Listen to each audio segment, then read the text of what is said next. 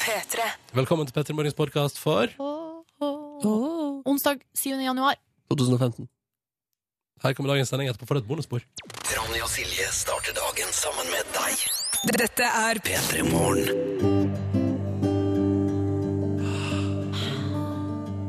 Markus er her òg. Mm. Er den eh, hvis du sover med meg en gang, så får du høre den lyden. Hva sier du da? En gang til. Mm. Mm. Hei, jeg er glad i deg. Åh, er du en baby? Litt sånn baby. Uff, oh, nei, nå ble jeg kjempeflau, faktisk. Ja. Du vil ikke starte onsdagen på det viset der? Nei, kanskje ikke. Jo, vet, jeg syns du er litt søt, jeg. Syns du det? Ja. Takk. Og litt creepy. Um, riktig god morgen, kjære du der ute. Vi er altså da uh, i starten i emninga av en ny dag. Resten av landet har ikke våkna ennå, men vi i denne faste morgengjengen rett over seks, vi er her. Og vi skal være her sammen hele veien fram til ni, hvis du vil. Ja. Dette bestemmer du sjøl. Silje Nordnes, hvordan går det med henne? Nei, det går greit. Eh, det med henne? nei, jeg gidder ikke å snakke med babystemme. Det, det, Men vi kan gjøre det hvis vi vil. nei, det må vi holde oss for gode til, dere. Bu.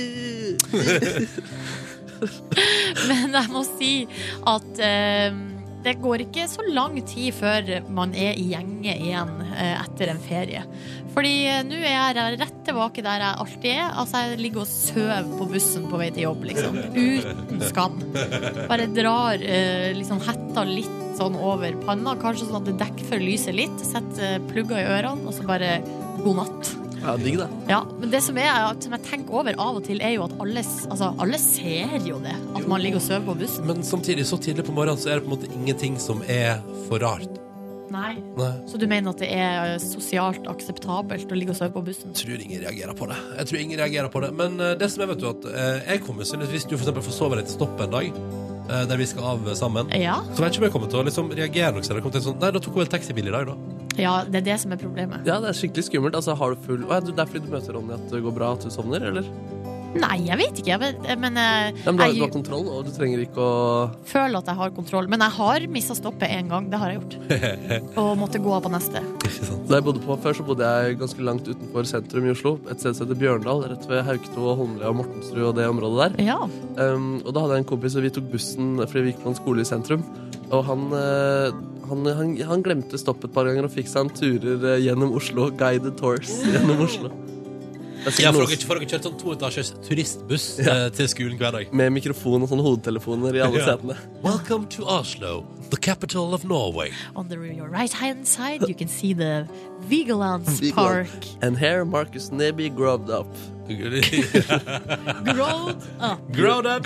And learn, teached uh, English. Det er så- Jeg kan melde fra mitt liv at eh, jeg eh, driver fortsatt og staker ut. Jeg har glemt Sånn som eh, Jeg har glemt når jeg hadde vekkerklokka på før jul. Oi! Så driver jeg og eksperimenterer meg fram. Da. Var, det, var, det, var det f- ti over 5? Var det 20 over 5? Hvor, hvor, hvor la jeg meg? Og det er liksom på minuttene Hadde jeg hadde jeg en alarm tolv over fem? Eller var den kvart over? Skjønner du? Så jeg har sånn der, Jeg driver og jobber liksom ut og prøver å finne ut sånn, hvor var jeg egentlig der og da. For jeg hadde noe tidspunkt. Måtte være i dusjen til sånn og sånn. Og... Jeg, lag, eller, jeg endra ikke på alarmen som jeg har, jeg bare laga en ny en. Så jeg har en million frekk, forskjellige alarmer. Og, og, Kjæresten min òg har én alarm. Liksom for, altså, du kan finne en alarm som passer til når som helst på dagen. Ja, Det samme har jeg. Ja. Helt fram til klokka sju på kvelden. Nå er musikken slutt, Markus, så hvis du hadde noe på hjertet, så må du forte deg. jeg er bare at jeg har 1000 alarmer og lager forskjellige hver dag. Applaus. Applaus for meg. Tom André spør på SMS P3 til 1987. Margarin eller smør på brødskiva skråstrek knekkebrødet? Han mener at han vokste opp med smør hjemme, sklei over på margarin da han flytta hjemmefra, men nå, ti år senere, er han på vei tilbake til smør, altså. Silja? Uh, jeg tror at Uff, uh, vet du hva? Eh, Nå må jeg tenke meg om. Altså, Jeg har ikke spist smør på mange mange, mange år. Altså, ikke Verken smør eller margarin. Eh, bare majones. Men så nå eh, har jeg kommet eh, tilbake, litt- som Tom André her, funnet tilbake til smøret. Oh ja, Og da er det det? meierismør. Ja. Men er det et bevisst valg å ha tatt avstand fra smør eh, i mange år? Nei, jeg, lik, jeg bare jeg likte det ikke. Eh, Da jeg var bitte lita, likte jeg jo smør så godt jeg kunne spise det med skje. Men, eh, så det var vel kanskje en reaksjon på det, da, at jeg plutselig måtte ikke kunne spise det lenger. det, det er en mulig reaksjon. Ja, og da hadde jeg, som- har jeg sånn minne av at jeg på for eksempel eh, kirkekaffe etter eh, gudstjeneste på søndag, der eh, de har sånne påsmorte halve rundstykker med eh, eksempel brunost eller hvitost, og seriøst tre kilo smør på hvert enkelt eh, halve, halve bolle. Og der vet jeg, jeg vet ikke om det var der jeg fikk stygga. Hva med deg sjøl? Et bevisst valg mellom eh, smør eller margarin? Spis ingen av delene. Nei, det gjorde du ikke, nei. Nei, jeg, jeg liker ikke Jeg syns det blir for eh, Nei, vet nei. Men hvis du har for eksempel varmt brød, eh, og man har litt smør på sånn at det smelter Nei, nei jeg, er ikke, jeg er ikke en fan av smør. Ikke margarin heller. Du vet, Eh. Noen ting som man får servert på restaurant, og sånn, der er det jo smør på. Det er jo derfor det er så godt. Ja, Men jeg liker ting som er litt forseggjort. Altså, sånn, altså, jeg, li- jeg syns ikke majones er noe digg, men jeg, jeg liker en, en god dressing som jeg liksom jobber med. Som kan være majonesbasert. For eksempel, hvis den Ja, ja, ja, altså sånn der, når det begynner å bli sånn der chipotle majones, så er det innafor, altså, for min del.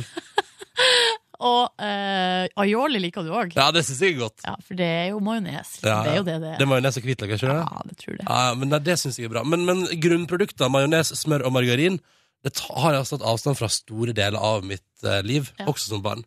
For en viktig eh, For en viktig Det er viktig å stoppe opp og reflektere litt over det her med smør og margarin Ja, på en jeg tenker- eh, jeg tenker- onsdagsmorgen. Jeg tenker at du der ute også nå fikk en liten sånn shit, eh, hva, hva slags eh, forhold har jeg egentlig til det smørbare? Eh, Sigrid har et helt annet spørsmål. Ja. Begynner snart i ny jobb, må stå opp uh, halv sju. Lurer på uh, om vi i P3 Morgen har noen tips til hvordan takle tidlige morgen morgener når man er en natteperson som Sigrid ja. Vet du Nei. Nei, det er en evig kamp. Ja. Det er en evig kamp. Har ingen gode tips til deg, Sigrid. Ingen. Altså, det må være prøve å få nok søvn. Ja. Eh, og hvis du er natteravn, eller sånn som er litt sånn som både meg og Ronny er, at vi er glad i å være oppe på kveldstid, så eh, må du jobbe med deg sjøl. Og jeg har nå en kamp som foregår eh, hjemme nå i leiligheta mi. Det er en kamp på liv og død, og som handler om at jeg må komme meg i seng tidligere. Eh, og i går, ja, jeg var i senga 22.40. Ja. Veldig fornøyd med det. Ja. Da slukker du lyset, da? Det var klokka eh, 23.02. Ja, ja. Eh, og det var eh, Når sovner du, tror du? Jeg tror kanskje jeg sovna rett etterpå. Ja, ok. Åh, Ja. yes. Åh. Men det er altså det tidligste jeg har klart å være eh, i seng i eh, 2015. Og det skal nedover. Jeg jobber meg ned mot ti. Åh, Det blir spennende å følge utviklingen Ja. til Silje Nordnes ned mot ti. Jeg har for tredje natt på rad lagt meg eh, vært i seng eh, mellom 11 og 12, ikke sovna, og ligget med en slags mini-insomnia der, og ikke fått til å sove. Åh, det er irriterende greier, ass. Men jeg er, jeg er i gang med det nye året, jeg også. Bra! Boom! Vi er i gang med det nye året, folkens. P3 til 1987. Hvordan står det til der ute? Vi hører fra deg. P3 til 1987. God morgen. Du er der ute, du, da. I gang med en ny dag, forhåpentligvis. Eller da, som flere på SMS-innboksen vår, i SMS-innboksen vår, Yes. kodord P3 til 1987, så er du kanskje også ferdig med ei nattevakt. Ja, eller er du ferdig med eh, treningsøkta allerede, sånn som eh, en har som har eh, skrevet trening, eh, styrke i parentes, utført med kompis Magne før klokka seks i dag. And it feels good. Ha en herlig dag, folkens. Mm. Det syns jeg er så imponerende. Ja. Er det mulig? gjeng. Men i dag eh, på bussen, Ronny, så var det ei jente i treningstøy. Mm. Tenkte, tenkte du La ikke merke til. Å ja, ok. Nei. fordi jeg skulle spørre deg om du tenkte sånn som meg, som er eh, hver gang jeg ser folk med treningstøy på bussen eh, så tidlig Så tenker du 'fuck you'. Nei, jeg blir så eh, full av eh, Jeg blir på en måte imponert og nysgjerrig. Mm. Hvor kommer vi Altså, hvor kommer motivasjonen fra? Og det regner ute i tillegg, og det er glatt og mørkt og svart. Ja. Ja, nei, jeg kan ikke forstå det, men eh, den viljen der, eh, den eh, er vel veldig til stades hos folk første veka i et nytt år. Og så får vi se om den samme jenta i treningstøy er der i mai, da, vet du. Ja, det er sant. Ja, Så var det litt med de som jobber på nattestid. Her er det altså en lytter som har sett melding til oss som akkurat er ferdig med nattevakt, og som melder at eh, vedkommende har bursdag i dag. Dagen skal feires med, og dette syns jeg er imponerende, tur-retur Kirkenes, Helsinki i varebil. Jøss. Kirkenes, Helsinki. Hvor langt er det, da, mon tro? Ja, nei, skal vi prøve å finne ut av det? Ja, Jeg kan prøve å gå inn på Googles. Ja, du vet det bare å trykke Nå på Google, er du. Fantastisk. Google blir bedre og bedre. Nå kan du bare stille spørsmålet. How, Ja. Bare søk 'How far is it from Kirkenes to Helsinki?' Så får du svar på det. Men det Ja. syns jeg er en lang etappe, og så står jeg kanskje utsatt for feiringa til helga. Det syns jeg definitivt du skal gjøre. Jeg tror ikke du skal begynne å drikke champagne på en tur-retur-reise uh, Kirkenes-Helsinki, for det blir bare tøys, fjas og eh, vanskelig å forholde seg til. Ja, jeg er helt enig. Mm. Finner du ut av det? Ja, jeg er jo så treg, da, men nå finner jeg ut av det. Ja, det er Skal vi se eh, Er det 1000 Det tar 16 timer eh, Ja. og 31 minutter å kjøre. Og det er én vei. Og så skal han tilbake igjen. Ja. Fy fader, du må ha noe viktig du skal levere, eller et eller annet, siden du gidder å ta den turen. Det må, det må være verdt det på et vis. Men det er ganske fascinerende. Nå ser jeg på kartet, eh, og det høres ut som jeg aldri har sett på kartet før. Men nå ble jeg så imponert over at det er mye Det er jo mye kortere fra Kirkenes til Helsinki enn det er fra Kirkenes til Oslo. Nei, er det sant? Ja. Ok, hvorfor det? Fordi eh, Norge er jo bua, ikke sant? Ja. Eh, Så sånn det bare at, zoom rett over? ja, nei, Kirkenes Det blir rett ned, da. Ja. Nesten rett linje, rett nedover. Eh, Men eh, da kjører du jo ja, Jeg skulle til å spørre, kjører du gjennom Finland?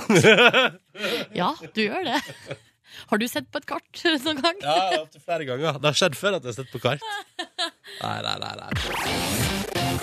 P3. Vi skal ta en titt på avisforsidene.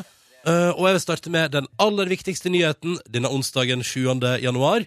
Den er litt Oslo-lokal. Aftenposten melder på sin forside at det er altså nå en boom, en eksplosjon, i tacorestauranter i hovedstaden. Ja, i dag åpner nok en tacorestaurant, skriver Aftenposten. Og det er det som er i vinden. Og så begynte jeg å fantasere om at eh, kanskje vi er på vei inn eh, med taco eh, der kinamaten kom på 90-tallet. Og gir det, altså, Silje Nordnes, se for deg Interessant. du reiser hjem til Hamarøy ikke sant? i 2016 kanskje, eller 2017, Ja. og der har det åpna. Der det før var en kinarestaurant, eller der det før var ingenting. Ha- Hamsun senter har fått egen tacorestaurant. Se det for deg. Jeg ser det for meg, Ja. og jeg liker det du eh, foreslår. Og kinaen i Førde vet du, må bare Nei, vet du hva, Eh, det business, vi, går, vi må bytte business. og så bare Vi kaller ikke bambus lenger, vi kaller det for kaktus. Og så er det tacos. Ikke sant? Og så har man Jeg bare så for meg nå at liksom tacobølgen brer seg. Men vet du hva, jeg tror ikke vi er så langt unna. Fordi at eh, på enkelte sånne, der, eh, sånne der, eh, restauranter i distriktet, der Mm. du får servert mat fra hele verden, tydeligvis Altså det er på en måte pizza, og det er eh, kinamat, og av og til får du pinadø til og med sushi på sånne plasser. Ja. Eh, der kommer tacoen til å snike seg inn Taco. med en liten fajitas, en liten burrito, og det er til slutt så har den tatt helt over.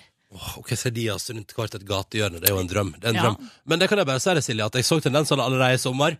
Var på rockefestival på Vestlandet, hjemme i Sogn og Fjordane, og tror ikke det lokale eh, hotellet på Nordfjordeid slo i bordet med tacobuffé. Åh, Hver dag. hver dag! Hver dag. Det Så var kanskje da- litt i overkant, da, eller jeg Så da vet satt ikke. vi der, vet du. Og etter at vi hadde spist nok pølse og burger eh, og festivalmat, så var det altså så deilig å sette seg ned rundt et bord med en deilig Pepsi Max i glasset, og så bare naut man. En bedre tacobuffé. Nei, vet du hva? Du, altså, det, er- det er rart hvor lite som skal til for å gjøre et menneske som meg utrolig lykkelig. Ja. Uh, Forsida Nå til de mindre viktige nyhetene. ja. Eh, Forsida av eh, VG i dag De har fokus på eh, historie. Eh, de har altså fått tak i noen av ungene til de her eh, tungtvannheltene. Altså de som var med på den eh, historia, den ekte historia. Mm. Eh, og de forteller da 'Slik var tungtvannheltene'. Eh, jeg for min del jeg er liksom interessert i eh, historie, det er jeg jo. Men den, den, den strekker seg på en måte så langt som at jeg syns at serien er interessant. Ja, sånn, ja. Ja, for det er liksom ikke så interessert i alt rundt. Men da må du huske på at det er masse historiske faktafeil i serien, for det står om på forskjell. Aftenposten i dag. Regissøren slår tilbake nå, da. Ja. eh, mot kritikken. Og jeg er jo for så vidt litt enig i det, fordi det er jo blant annet eh, Hvis du ikke har sett episode 1 som gikk på søndag, eller det som er episode 2 i nett-TV, skru av bare i, i 20 sekunder. Fordi der er det jo noe skyting på tampen. Ja. Og så viser jeg at i historien har den skytinga skjedd noen mil lenger vekke og noen dager etterpå. Men da tenker jeg som TV-seer at det er greit for meg, spenningsmessig, og det er mer brutalt og liksom kult på TV da, at det skjer der og da. Ja. Boom, boom, boom, og så er det liksom, ok. Det er liksom, det er, det er, det er ingen, eh, her er det ingen limits, vi bare kjører på, ikke sant? Det er litt, det er litt mer spenning i det. Det er kjipt hvis det er sånn, å, der rocker vi tar dere til fange, og om tre episoder, så skal du se hva som skjer. ja, men det er liksom ikke store Jeg, jeg føler ikke at det er så grovt uh, grov forandring. Hun kvinnelige, kvinnelige britiske offiseren er for- eh, ikke. Det vet jeg at det er en fiksjon, og det syns jeg er så dumt. Fordi hun er jo det kuleste av alle. alle. ja, ja, fordi du, ja, for du liker henne. Skulle ønske hun fantes. Selvfølgelig gjør jeg det. Hadde hun fantes, hadde Silje Nordnes oppsøkt Barnebarna. Boom, see. Nei. Forsida i Aftenposten står det eh, i tillegg til det at eh, i dag skal justisministeren eh, i Stortinget, og han må svare på eh, svar for den her mobilspionasjen. Ja. Og eh, for, altså, hva er det regjeringa har gjort? Hva har de blitt gjort for å avdekke eh, overvåkninga? Eh, Hvem står bak? Eh, og hvem har ansvaret da, i denne saken? Synes det er dårlig gjort i denne store krimgåten om disse mystiske eh, overvåkningssenderne som er plassert rundt i hovedstaden. At justisministeren må komme i dag og svare på hvem som står bak. Nei, men han må jo ikke eh, Han må i hvert fall svare på om de har prøvd å finne ut av det. Ja, så, sånn, ja. Ja, det det. Han har jo ikke svaret, sikkert. Men eh, det er jo han som har det øverste ansvaret. Det er veldig godt poeng, Nordnes. Helt på tampen, sport, kolon. Eh, det er visst forhandlinger på gang i Madrid med Martin Ødegaard. Dette har VG. VG har fått beskjed om det i natt, folkens. Det står der 'opplysninger til VG i natt', så da har det skjedd i natt. Tror du de har plassert eh, på, eh, journalister og spioner, spioner rundt omkring i hele Europa nå for å følge med på aktivitetene i de ulike klubbene? Ja, Hvis du har nyheten først, så ville jeg iallfall gjort det. Ja, Ja. ville gjort det, ja. Mm. Dette var avisforsidene denne onsdagen 7. januar. Du hører P3 Morgen med Ronny og Silje. Vi syns det er skikkelig hyggelig at du er med oss i dag. P3. Riktig god morgen og god onsdag til deg. Det er den 7. januar 2015 eh, når jeg skriver på tastaturet. For eksempel når jeg skal sortere tekstmeldinger i SMS-innboksen, kodord P3 til 1987, så vil jeg jo fjerne alle som ikke er sendt inn i dag, ikke sant? Og da eh, går fingrene mine automatisk bort til firetallet på tampen der. ja. Og så eh, skriver jeg det, og så blir det sånn Nei. Eh, og så eh, Og så må jeg begynne på nytt. Men det hadde vært interessant hvis jeg gikk inn og så hva tekstmeldingen som ble sendt inn på denne dagen for ett år siden. Ja jeg, Hvis det er bare akkurat det samme som altså, at- det, liksom ingen, det er jo ingenting som uh, Enn hvis Tom André har skrevet da også 'Gi taco for life', for eksempel. Ja, Som jo fort er en mulighet, fordi taco er digg. ja. Ja, Det kan hende. nå skal vi se hva som er det første som kom inn den eh, 7. januar 2014. Nei, nå begynte jeg på et dårlig prosjekt. Her! Jobbe, jobbe, jobbe, skriver Kim Daniel. Ja. Jeg skal hente to elever klokka sju. Vi skal på glattkjøringsbanen, skriver André. Jobb! Forsk forskalingssnekker. Snork. Tidlig oppe for å trene før jobb. Det er mye av det samme det går i, altså. Ja. Det er det. Thomas eh, Olsen er våken fordi han er våken. Og så er det en som er anonym som er på trening. Og her er jeg med, det las vi. Det er en som har stått opp Det er Gina som har stått opp klokka fem, tre kvarter tidligere enn vanlig, for å rydde eh, den bomba leiligheten sin. Ja. Så eh, helt riktig. Det er omtrent Folk driver med omtrent det samme 20. januar 2015 Så folk driver med 20. januar 2014. Jeg liker at vi nå har oppdatert oss på hva folk gjorde for ett år siden. Hvis du vil oppdatere oss på hva du driver med i dag, kjære lytter, og vil gjerne høre fra deg, så er altså kodeordet P3. Eh, Det er det du skriver først i tekstmeldinga du begynner på, og så må du sende den til nummer 1987. P3. Nå skal jeg som heter Ronny og Silje her i P3 Morgen arrangere vår daglige konkurranse. Enkelt og greit. Så lenge det blir svart riktig på spørsmål her, går alt fint. Men er det noen svarer feil, er konkurransen over for alle sammen. Ja. Var ikke det kort og greit oppsummert, Nordnes? Veldig bra.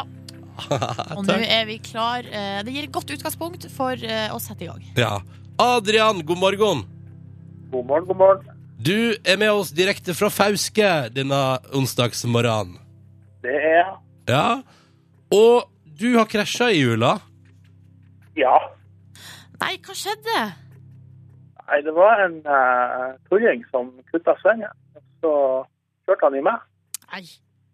Og så kjørte han bare videre. Nei! Eh, Stakk han av? jeg satt igjen der med et, eh, et knust sidespeil og hysteriske unger i bilen. Så det var Å, herregud. Men du, Adrian, f f fant dere ut hvem det var for noen? Nei, men jeg har satt Vesterålsmafiaen på det. Vesterålsmafiaen har blitt satt på saken, jeg skjønner, så da blir det vel i ordning på det. Mm, det blir det i ordning. det er godt å høre.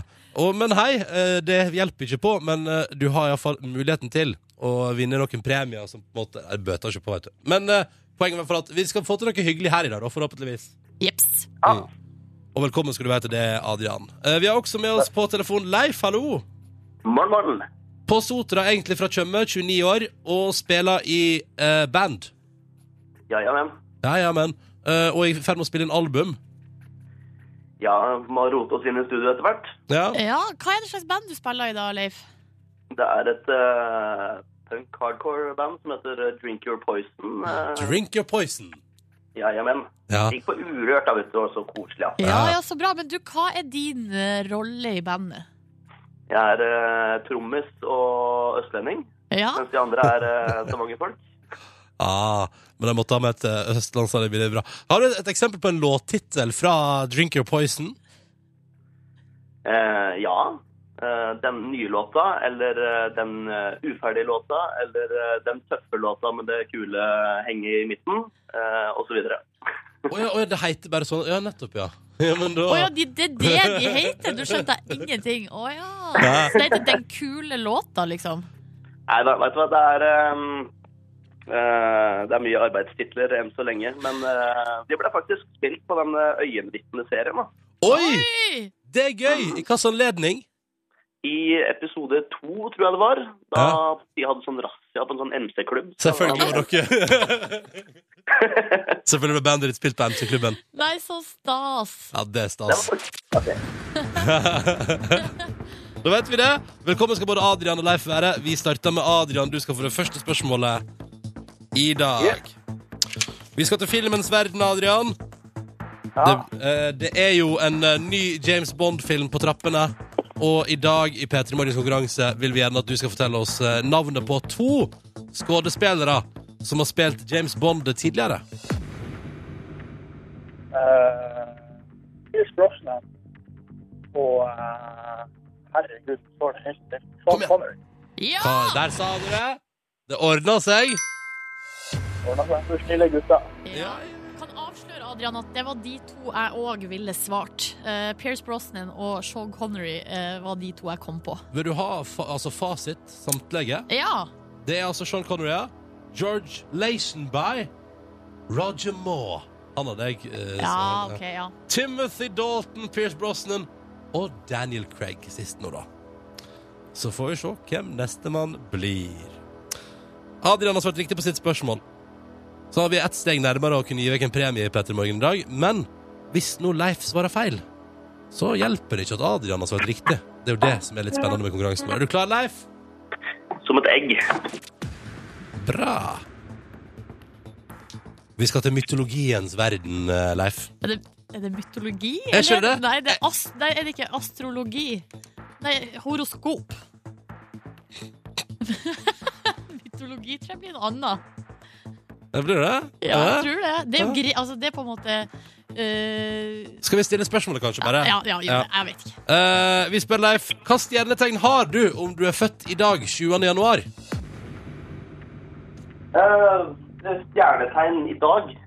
Mm Det var et uh, veldig godt spørsmål. Skal vi se. Jeg er væren. Tre, to, én. Eh, Jomfruen. Jomfruen! Eh, det er jeg. Og jeg er født i september, så jeg kan røpe allerede nå at det er feil.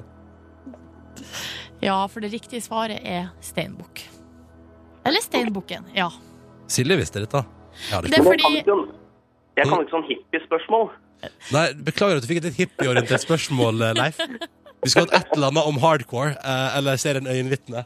Men, eh, men det får bli neste gang. Da Ja. stopper vi dessverre der i dag. Så må jeg si Adrian og Leif, tusen takk for at dere deltok, begge to. Ha en fin onsdag videre. Og prøv gjerne igjen ved en sendeanledning. Ja, Ha det Ok, Ha en fin dag, da, Ha det bra. dere. Da ble det ikke premie i dag heller, og vi går fortsatt premieløst inn i 2015. Men så er det jo sånn, da, at vi prøver på nytt i morgen, og du er hjertelig velkommen til å ringe inn og melde deg på. Da kommer det til å smake godt med førstepremien i 2015. Hvis du vil være med, så ring du inn og meld deg på Uh, 20... Nei, nå har jeg glemt nummeret. 03512. 03512! Ja. Linjene er åpne noen minutter. Ring inn og meld deg på nå! P3. Riktig god morgen. Klokka den er tolv minutter på halv åtte. Og vi må snakke litt om Per Sandberg, som var på eh, Dagsrevyen i går og snakka med eh, reporter eh, Anders Magnus i Dagsrevyen om mulla Krekar. Og jeg lurer jo på, Ronny og alle andre, om Per Sandberg har skapt årets TV-øyeblikk allerede 6. januar. Det er godt mulig. Det er veldig godt mulig. Eh, Jeg tror kanskje vi bare må høre klippet, fordi det er helt episk. Det som, saken handler jo om at mulla Krekar kommer ut av fengsel, eh, og så er spørsmålet hva skal man gjøre med han? Ja. Fordi eh, eh, Frp har jo alltid sagt at mulla Krekar skal rett ut med en gang de kommer i, eh, til makta. Mm. Eh, men så viste det seg jo nå at når de har makt, så er det ikke så enkelt. Fordi man kan ikke bare sende en mann til, til Irak der han kommer til å bli drept, liksom. På sekundet. På sekundet, når han ko- kommer dit. Sånn at, Så eh, da blir det jo spørsmål om det. Skal bare høre på det? Vi må høre på det. ja, vi må høre på klippet. eh, Og her blir altså Per Sandberg spurt om folk kommer til å ha tillit til Frp eh, hvis de ikke får sendt ut Krekar. Jeg tror det norske folk vil bli tilfreds når de ser at Fremskrittspartiet greier å sende Krekar ut av Norge. Og det vil skje.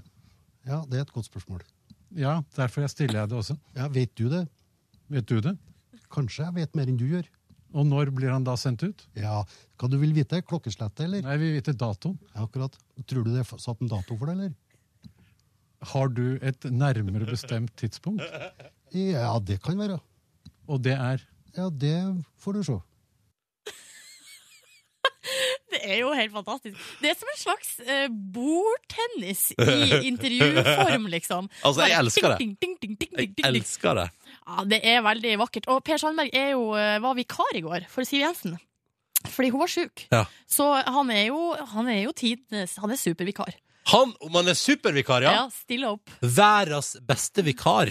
Eh, Jeg håper jo at Siv Jensen er ute med sykdom i store deler av 2015, fordi jeg vil ha mer av dette her. Jeg vil ha mer Per Sandberg. Kan jeg få mer Per Sandberg i media, er du snill? Nei, men vi, da, ikke, ikke fordi Siv er syk, da må det være noe annet. At hun bare tar at, Ja, fordi det er jo ikke noe hyggelig å ønske at folk skal være sjuke. Siv Jensen stikker til Thailand hun elsker jo thaimat, vet du. Ja, det er Ja, sant. ja, ja. Og så bare kan Per Sandberg ha en god måned der. Ja, nei, P, han er altså en politiker. Men det syns jeg er så artig med eh, Det er jo litt spesielt med politikere, for at han kunne jo bare sagt vi, eh, vi har en plan, men jeg kan ikke si det ennå. Ja. I stedet for, oss, i stedet for I stedet for den mølja her. Ja, derfor jeg stiller jeg det også. Ja, Vet du det? Vet du det? Kanskje jeg vet mer enn du gjør. Og når blir han da sendt ut? Ja, Hva du vil vite? Klokkeslettet, eller? Nei, vi vite datoen. Ja, akkurat. Tror du det er satt en dato for det, eller? Har du et nærmere bestemt tidspunkt? Ja, det kan være. Og det er Ja, det får du se. Det får vi se. Altså, han var sikkert veldig lei av å svare på spørsmål i går. Det må jo ha vært det. Ja, kanskje. Men nå gidder jeg ikke mer. Vet du, Anders Magnus, når han kommer- skal ut? Har du en teori? Ja, Jeg tar imot jeg innspill. orker ikke mer. Ah, årets TV-øyeblikk 2015 ble skapt allerede 6. januar. Gratulerer så mye. P3. Og vi har fått et spørsmål på SMS med koder P3 til 1987 fra Jon, som jeg syns er meget relevant. Okay. Og jeg vil sjekke om det er flere der ute. Og hør på dette. Han har et spørsmål. Han merka da han tok morgendusjen i dag, at han faktisk unngår å stå eller trakke på eller være borti for øvrig den rista til sluket i dusjen sin. Og så lurer han på er han aleine om dette her. Og Jon, det er du ikke, fordi at jeg har akkurat samme Jeg står aldri på rista. Jeg er aldri borti den der lille firkanten i dusjen min som inneholder sluk. Men er den firkanten sånn at eh, du vanligvis på en måte vil Hvis, den ikke, hvis rista ikke hadde vært der, ville du da stått på akkurat den plassen? Ja, Ja, så for den er jo midt i dusjen, på en måte. Den er Ja. jo der strålen fra dusjhodet treffer. Ja. Så ja, ja, ja. ja. Men, men, hvorfor er det sånn? Står heller breibeint i dusjen enn å være borti rista. Jeg veit ikke, men jeg innser jo nå når Jon påpeker det på SMS her, at dette er jeg helt, uh, helt enig i. Men er det sånn at dere er redd for å dette gjennom på et vis? Nei, Og at, det, at man tror at det er et slags hemmelig rom under dusjen som man kan dette nedi? Fordi det tenker jeg, for jeg klarer ikke helt å relatere til problemet, fordi jeg har jo ikke dusj, eller jeg har et badekar, og så står jeg i badekaret og dusjer, Mm. og der er det bare en bitte liten sluk som er helt borti kanten, Ja, den er jeg ikke borti uansett. Nei, nei, men, Men- men, men, men, i det du liksom for eksempel eh, At tæra dine nærmer seg sluket Nordnes Men trekker ikke sluket er også dekt av en sånn plast, eh, hvit plasthette. Oh, Så det er- Jeg trodde du skulle si dekt av hår! Å nei, nei, nei, nei, nei, nei. Det, det har vi kontroll på. Men det jeg kan relatere til, er eksempel når jeg er ute og går, eh, Mm. så går jeg aldri på rist eller lokk lokk, kumlokk eller sånne type ting. Eh, det er jo litt fordi man vet at det betyr ulykke. Eh, men, men Det det. Man vet jo at det betyr ulykke. ja, det, altså, det er opplest og vedtatt, det vet man. Men en annen ting er jo at eh, av og til jeg får en slags sånn helt irrasjonell frykt, eller kanskje den er helt irrasjonell, jeg vet ikke, for at det skal gi etter. Ja. Og at jeg skal dette gjennom, og at eh, jeg skal havne nedi hullet der. Du vet, eh, Noen plasser er det sånne rister som er litt annerledes, som kanskje dekker altså Som ligger som, som er sånn grå metallplate som er firkanta. Ja. Som er litt sånn gyngete. Å nei, nei, nei, det må man ikke gå på. Ja, vet du, Hver gang jeg går på det, tenker jeg sånn Jeg er for tung for dette her! Jeg er for tung for dette her! Men så vet det ligger jo sånne plater på veien, og det kjører biler over. Ja. Så jeg tror det skal gå bra, Rover. Men hvis det er noen andre som føler på, øh, føler på det der øh, Eller hva. Alle vet vel at det er lava i sluket i dusjen. Man må ikke tråkke på det! Hilsen Thomas i Graven. det, er flere, ja, det er flere som føler på det. Men hvorfor er det sånn? Jeg vet ikke. Nei, det er veldig rart. Men jeg liker din teori om at man ubevisst er redd for at det er et lite hull og et lite rom under der. Men kan det også hende fordi at, at det er fordi at, temperat, at sluket, eh, eller akkurat den metallrista, har en litt annen temperatur? Sånn at man kjenner at det er liksom kaldere, for eksempel? At man ikke Nei. Nei. Nei. Nei, da, da er det det med at man tror at man skal dette gjennom, som Ja. er den eh, beste teorien til nå. Men den dagen jeg får plass nede i sluket der Fy fader, da har jeg slanka meg. Da har jeg slanka meg så enormt. Ja, jeg tror ikke det er noe vi skal trakte etter. At du skal få plass oppi sluket på, på dusjen din. Nei, for da er vi, da er vi på andre sida av skalaen igjen. Ja. Fra fedme til total anoreksi på et vis. Og så prater vi i stad, fordi lytter Jon stilte spørsmål på SMS. Han la merke til at han ikke trakka på rista i dusjen. Og det gjør ikke jeg heller. Og så plutselig nå, nå, eller nå har jeg fått veldig mye respons på det, med kodord P3 til 1987 på SMS, Ja. om dette med rista i dusjen. For eksempel her, da, fra Bubil Mats, som skriver han er helt enig angående rista i dusjen. Han står ikke på den, eh, fordi hvis han gjør det, så klarer ikke sluket å spise vannet. Så da blir det oversvømmelse på badet, gitt. Og det er jo et veldig godt poeng. Og så er det mange her som poengterer. For eksempel eh, eh, Ank skriver Endelig får jeg opplyst at det ikke bare er jeg som har forbi mot sluket. Jeg er personlig spesielt livredd for å komme borti sluket i basseng. Unngår til og med å svømme over sluket i basseng. Der kjenner jeg meg igjen, men det som, Er det som jeg er redd for der i bassenget, er at, eh, hei. at jeg skal bli sugd inntil sluket på et vis, og så bli sittende fast. For det mener jeg å ha sett en nyhetssak, eller kanskje det bare er en på film, eller et eller annet, at noen har blitt sugd inn i sluket og blitt sittende fast der. Er Men så har du her uh, Nora, hun skriver rista er bare rett og slett kjempevond å stå på, så jeg Ja. står heller ikke på den. Og så er det en som skriver her jeg dusja med hawaiianas uh, på i snart ti år pga. angst for kaldt eller ekkelt baderomsgulv. Eh, til og med hjemme hos meg sjøl. Det er en tvangstanke igjen, tror jeg. ja. Hvis du ikke kan gå barbeint hjemme hos deg sjøl, da, har du et- da har du et eller annet du må jobbe med der, tror jeg. Ikke Ja. for å være frekk her nå, men, men, men jeg tror det, det gjør bare livet lettere for deg, da. Ja. Eh, og så skriver Trond Åse Gravern skriver, og fra spøk til alvor, da, på en måte Han tråkker ikke på rista av den grunn at det er hår og lignende som har en tendens til å samle seg der, og ingenting er verre enn å få hårfallsfrukt. mellom, Mellom- tæra. ja, men det er jeg helt enig i. Det er lite som er verre enn hårfallsfrukt mellom tærne. Uh, Nå må jeg innrømme at hårfallsfrukt Det er premiere på ord for min del. Har ikke hørt det før. Men, uh, Men jeg likte det. Ja, jeg liker det òg. Likte det veldig godt. Uh, men det er tydelig at det er en slags unison enighet i den norske befolkningen om at man trykker ikke på rista. Og det der med håret synes jeg er et veldig godt poeng. Ja. Det samler seg alltid dritt der, på en måte. Ja, men det må man ta vekk, hvis ikke så har man et problem på, på sikt. Og da må man ringe vaktmester Ole, sånn som jeg måtte gjøre, og han måtte komme og dra ut det som så ut som ei katt fra under badekaret. Nå har jeg bodd litt over et år hjemme hos meg sjøl aldri har rensa sluket. Det burde du gjøre, særlig du som har såpass langt hår. Jeg burde det, ja. Ja, burde. Men jeg vet, jeg vet ikke, jeg vet ikke åpne rista og begynne å rote nedi der. Nei, da må du finne ut hvem som er vaktmester, og ringe vedkommende. Jeg kan ikke ringe vakt Altså, greit nok at du er en uh, relativt nysingel kvinne på 30 år, Silje, som uh, har god ton med vaktmesteren din. Ja. Men, men jeg kan ikke begynne å ringe til vaktmesteren i burettslaget og si sånn Hei, hei! Nei. Skulle ha rensa sluket. For det tror ikke jeg er en vaktmesterjobb i et borettslag. Men per det definisjon. Ole sa var jo det der kan du gjøre sjøl. Så sa jeg ja, jeg vet det, men eh, jeg får det ikke til. Og det som er at jeg har jo et sånn badekar som er eh, på en måte Hold på si, Det er eh, innkapsla med flise. Ja. Og så er det en sånn bitte lita luke som man da skal stikke handa inn i for å nå sluket og dra opp hva som enn som er inni der. Og da blir jeg livredd, ikke sant? Når jeg tar handa mi Livredd? ja, rett og slett livredd. For når jeg tar handa mi inn der, så så er jeg redd for at det skal være noe inne i rommet under badekaret. Eksempel rotte eller lignende. Å, rotter i badekaret, ja. Det sa vaktmesteren at det var veldig lite sannsynlig. Ja, det tror jeg jo. Men likevel så blir jeg redd for det. Sjansen for at rotter kommer seg inn i det innkapsla badekaret ditt, Nordnes, det, det tror jeg ikke. Nei, den er liten. Men den er der, så derfor så uh, unngår jeg det for enhver pris. Jeg vet hva jeg drømmer om i framtida. Den dagen jeg får meg et hus eller en gigantisk luksusleilighet fordi jeg har vunnet 35 000 millioner i Lotto. Ja, Det er mye jeg- å ta vare på. Ingen vaktmester å ringe, jeg sier det bare. Ja, men, ja, ja, jo, men hør, da. Da skal jeg ha sånn waterfall-dusj.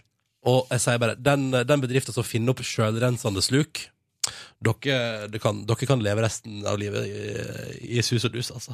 P3. I går, eh, Silje Nordnes, Ja. ble jeg sittende oppe, og så skal jeg bare se Kveldsnytt. Og så, og så kom da eh, programmet Året med den svenske kongefamilien. Ja! Og så tenkte jeg sånn, ja, ja det er gøy. Eh, Men så ble jeg sittende og se på. For det var kids, og de var ute på landstedet til den svenske kongefamilien. Og det var noen kyr som de klappa, og det var en liten ponni. Det var rett og slett veldig god stemning der. Så ble jeg sittende og se på året med den svenske kongefamilien. Og jeg eh, ble nysgjerrig på den svenske kongefamilien, Silje. OK, du Og du er jo hoffeksperten her Ja, i vårt radioprogram. jeg påstår nå det, i hvert fall. Ja, så det, bare Hvem er det som skal arve tronen? Det er prinsesse Det er Victoria. Ja, Og det er hun som er sammen med han Chris, eller? Nei, nei, nei. Nei. Det, det er hun som er sammen med Daniel. For Chris, Hvem er sammen med Chris-duden? Det er Madeleine. Ja. Eh, Det, det er hun Og det er, hun, det er hun som uh, hadde en kjæreste som var utro i året. Stemmer. Med, med hun, hva heter Tora fra Meråker. Stemmer det. ja, ja. Eh, ok. Så han Chris virka veldig sympatisk, da. Chris is a very sympathetic dude, yes. Ja, og han har connection med kiden, fikk jeg vite i går. Ja, For de har fått unge sammen som heter Leonora Leon, ja. Dorothea Dahl. Uh, så det er litt stas. ja absolutt. ja, ja. Nei, men så det var. Ok, men det er hun andre der som skal arve tronen. Eh, Victoria, ja. Ja, Med han fyren med brillene. Det stemmer. Ja, Og litt kort hår. Ja. Ja, ja, nettopp. Så de skal ta over. Ja, og de har jo da ei datter som heter Estelle. Så Ja. hun er etter Victoria i arverekkefølgen. Og hun er jo den som er ivrig, ivrig, var ivrig der i går. Sprang rundt som en liten rakett. Ja. Og skulle gi blomster til morfar. Kongen. kongen Han er For en fantastisk karakter, han kongen er. Carl Gustav, ja. Ja, han er en rå dude. Ja, er han jo egentlig det? Aha, altså, Slår meg ikke som det mest sympatiske man kunne her i verden. lagd en slags Curb Your Enthusiasm-serie om han. Hvis man skal sette Carl Gustav og kong Harald opp mot hverandre, så vil jeg si at kong Harald eh, kommer vinnende ut. Det er vel ingen tvil om det. I varme og kosebamsefaktor. Og nå drar du meg videre til det som er poenget mitt. For, hvis du skal sette, for det, er en, det, er en, det er en fyr der òg, av ungene. Det er hun eh, eldste, Victoria. Ja, altså det er Carl, eh, det er, eh, det er Carl Philip. Carl Philip er han heter. heter. Ja. Ikke Carl Fredrik. Nei, Carl Philip. Carl Philip. Ja. Han Hvis man skal sette han, uh, altså herren blant ungene i kongefamilien i Sverige, opp mot herren i den norske kongefamilien, altså kronprins Haakon, Ja. så vil jeg si at det er uh, milevis der også.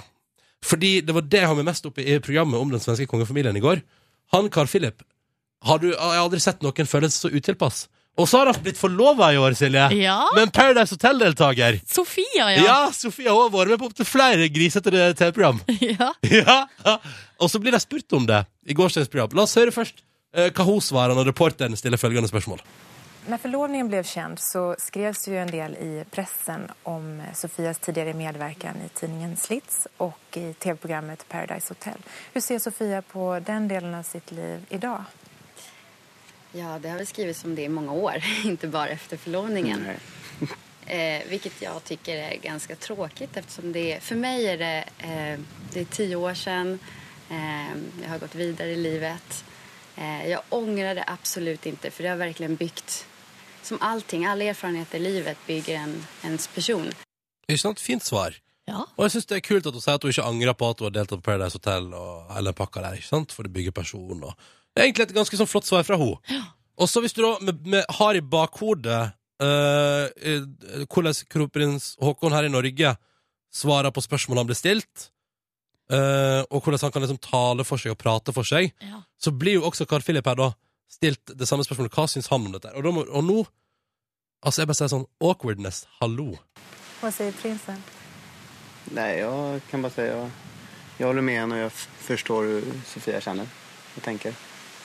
Eh, Det har jo bygd henne som den personen er, og och de karakterene. og eh, men som du säger, du hade inte gjort om barnen idag. Nej, nej, men som sagt. Um, jag kan ju säga att jag har levt livet i alla fall. Till hundra procent. Ja, nei, han har i hvert fall fått seg ei veldig talefør dame, og det er jo Flaks veldig for han, bra. tenker jeg. Ja, veldig bra. Veldig bra for han, for han kan bare gjenta det hun sier. Men så liker jeg at han eh, tenker sånn Hva skal jeg svare til fjernsynet om dette her? Burde Jeg- kanskje ha tenkt på det på forhånd. Ja, fordi dette er spørsmålet hvis de vil komme. Og det eneste jeg klarer å si, er liksom Men du ville ikke gjort det i dag. og så blir hun, og så må hun liksom Nei, men altså, nå Altså Men kan jeg bare si en ting? Jeg syns jo det, det er litt artig, det her. Og eh, jeg føler at eh, Sofia Hellquist i Sverige er på en måte det ultimate beviset på at det går bra, selv om du har vært med i Paradise Hotel. Så det er liksom sånn, eh, Neste gang det kommer en sånn nyhetssak om at 'ikke bli med på det, da får du aldri jobb', og det går til helsike i livet ditt. Nei, det, det er ikke sikkert. Nei, Paradise skal være med å bygge karakter. Bare å melde seg på, folkens. Ja, og du kan faktisk bli en del av den svenske kongefamilien, hvis eh, du vil det. Oi, Ja. Eh, men eh, ja, eh, fin, fin gjeng. Fin gjeng i Sverige der. Eh, Du, har du lite å gjøre på hjemme? Hva er det du holder på med, egentlig? Hva, hva da? Hva da? Sitter og ser på program om den svenske kongefamilien. det, var, så- det var så mye ponnier og kyr der, eh, Silje. Å? Og da eh, blir det sittende. Og da er du solgt. Da er jeg solgt. P3. Går det bra med deg på onsdag 7. januar, Silje Nordnes? Ja, det vil jeg absolutt si. Jeg er ikke helt i form. Det er noe julebasselusker som ligger og, og koser seg i kroppen ennå. Ja. Og det gjør jo at den her eh, liksom, pangstarten på 2015 lar liksom vente på seg litt. Ja. Men så tenker jeg eh, det går helt fint. Altså Det er bare fullt på treningssentrene, eksempel, uansett. Så jeg kan bare vente til alle de der eh, døgnfluene har forsvunnet. Så skal jeg komme tilbake og ta revansj. Hva med deg sjøl? Nei, um, nei, det går fint. Syns du um, Kan jeg stille et par spørsmål? Ja. Kan jeg be om din fulle og hele ærlighet? Uh, ok. Mm. Syns du jeg er for, for lang på håret nå? Ja, jeg syns du burde ta en hårklipp. Tenker du Da jeg kom tilbake igjen etter juleferie, tenker du at uh, Tenkte du sånn han nå har han lagt på seg? Nei. Ok. Ville bare sjekke. Riktig god morgen. Sju over åtte, og jeg som heter Ronny og Silje sier nå hallo, Markus. Hallo, hallo, sier jeg da tilbake. Det er jo ganske høflig å hilse tilbake når noen hilser på deg. Det er veldig sant. Veldig Ja. sant. Nei, jeg står ute på gata jeg, i et eh, ganske trafikkert kryss hvor julepynten fortsatt henger. Og folk ser veldig sånn eh, on fire ut i dag. De har lagt juleferien litt bak seg, virker det som. Akkurat nå så går det en dame forbi meg som har en sånn bag, ganske stor bag på ryggen og to bager i hendene. Og hun ser veldig målrettet ut. Markus, hva- kanskje hun har med seg massevis av penger i seddelbunker i bagene sine? Oi, shit, tenk om det. I så fall burde vi bli venn med henne, eller kanskje hun ikke vil dele. Vil sikkert ikke dele. Nei, vil sikkert ikke gjøre det. Nei. Nei, så en annen fyr. Nå går det en dame forbi meg her som også har eh, iPhonen i øret, en veske i begge hender. Det er mye vesker i begge hender i dag, og det er tydelig at det er mye å bære. Kanskje det er noen gaver som skal byttes. I så fall så er jo ikke juleferien over, slik jeg først eh, påsto. Eller så er det bager eh, fullt av treningsutstyr fordi de skal på trening før jobb. Det kan jo også godt være. Og det, eller kanskje det er penger denne gangen også. At det Nei, jeg tror, jeg tror at du er et kryss der alle går med veldig masse penger i sedler. Og pengene flyter. Ja. Og rundt meg er det masse skudd og action og drama. Ja. Nei. Nei, det er det ikke. Nei. Nei, men det er, Grunnen til at jeg er på gata nå, er fordi jeg har lyst til å lage en nyhetssak med folk eh, på gata, inspirert av internettsider som BuzzFeed og BuzzIt. Dere kjenner kanskje til eh, noen av eh, sakene. Det er sånne saker à la 'Du vil ikke tro hva mannen gjorde da sønnen kom ut av eh, skapet'. Og, og, og nå har også VG hivd seg på bølgen lenge etter at jeg lagde, begynte å gjøre dette her i oktober. De har lagd hjemmesiden eh, eh, Too Long Don't Read, TLDR. Vi kan bare høre noen typiske overskrifter derfra. Clickbait. Katta lukter på oliven. Friker ut. 14 folk som bryter nyttårsløfter på trening. Så er det bilde av en gammel dame som sitter i treningsapparat og spiser bagett. Eh, 32 tilfeller av helvetes autokorrekt. De har også en ganske annen sånn artig sak som heter eh, 'Norske 90s hits er lik superfunny'. Ja! Ja.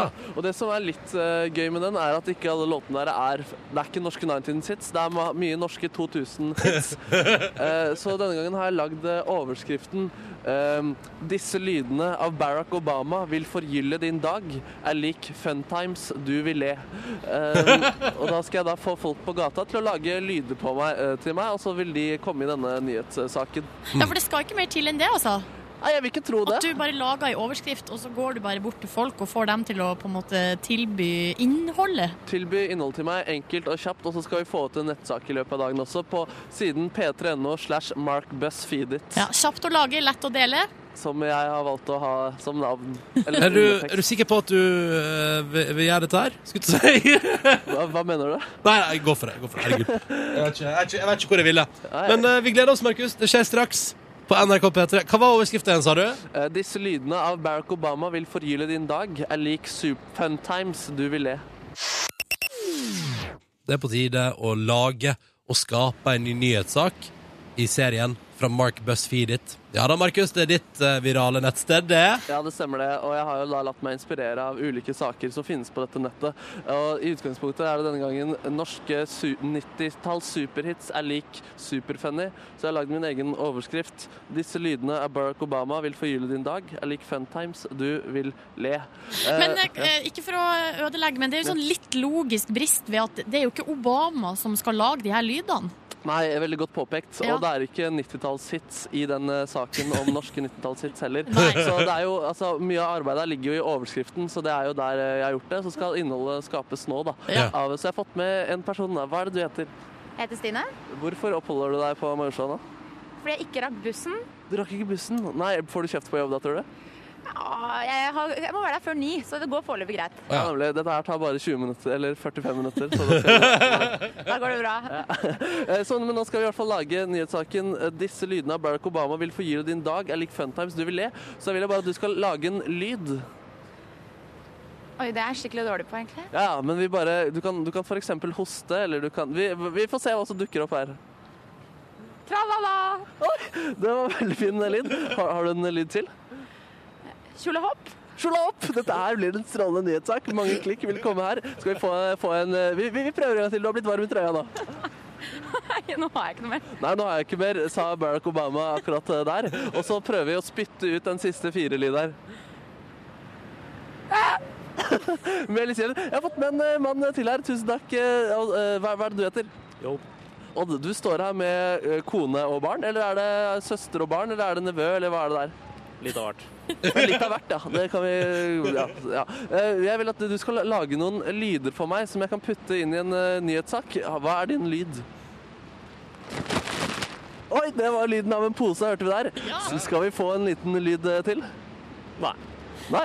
Tror du folkene rundt her har lyst til å lage noen lyder? Tror du ungen f.eks. har lyst til å kaste ut en, et lite skrik? Ikke på kommando. Ikke på kommando der, er altså. kun på eget initiativ. Så man må gjøre litt Oi, en dame på siden her har en liten lyd hun ville komme med til slutt.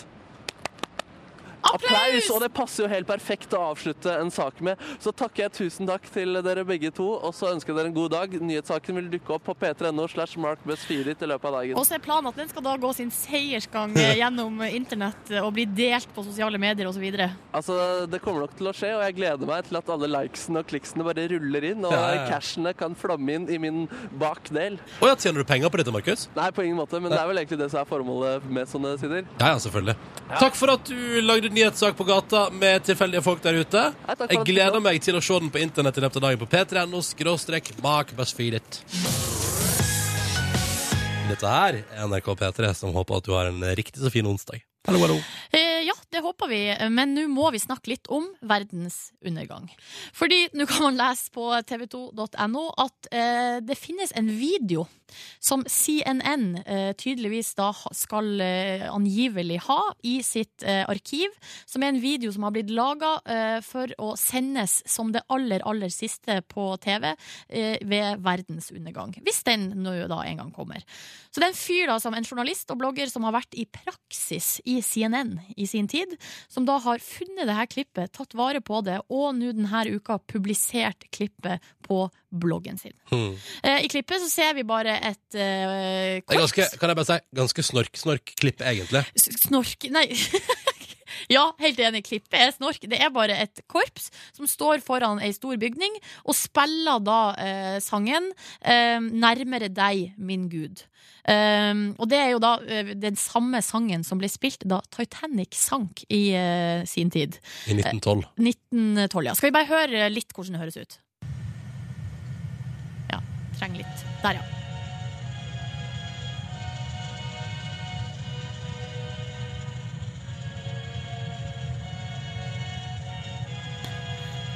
Ja Dårlig kvalitet.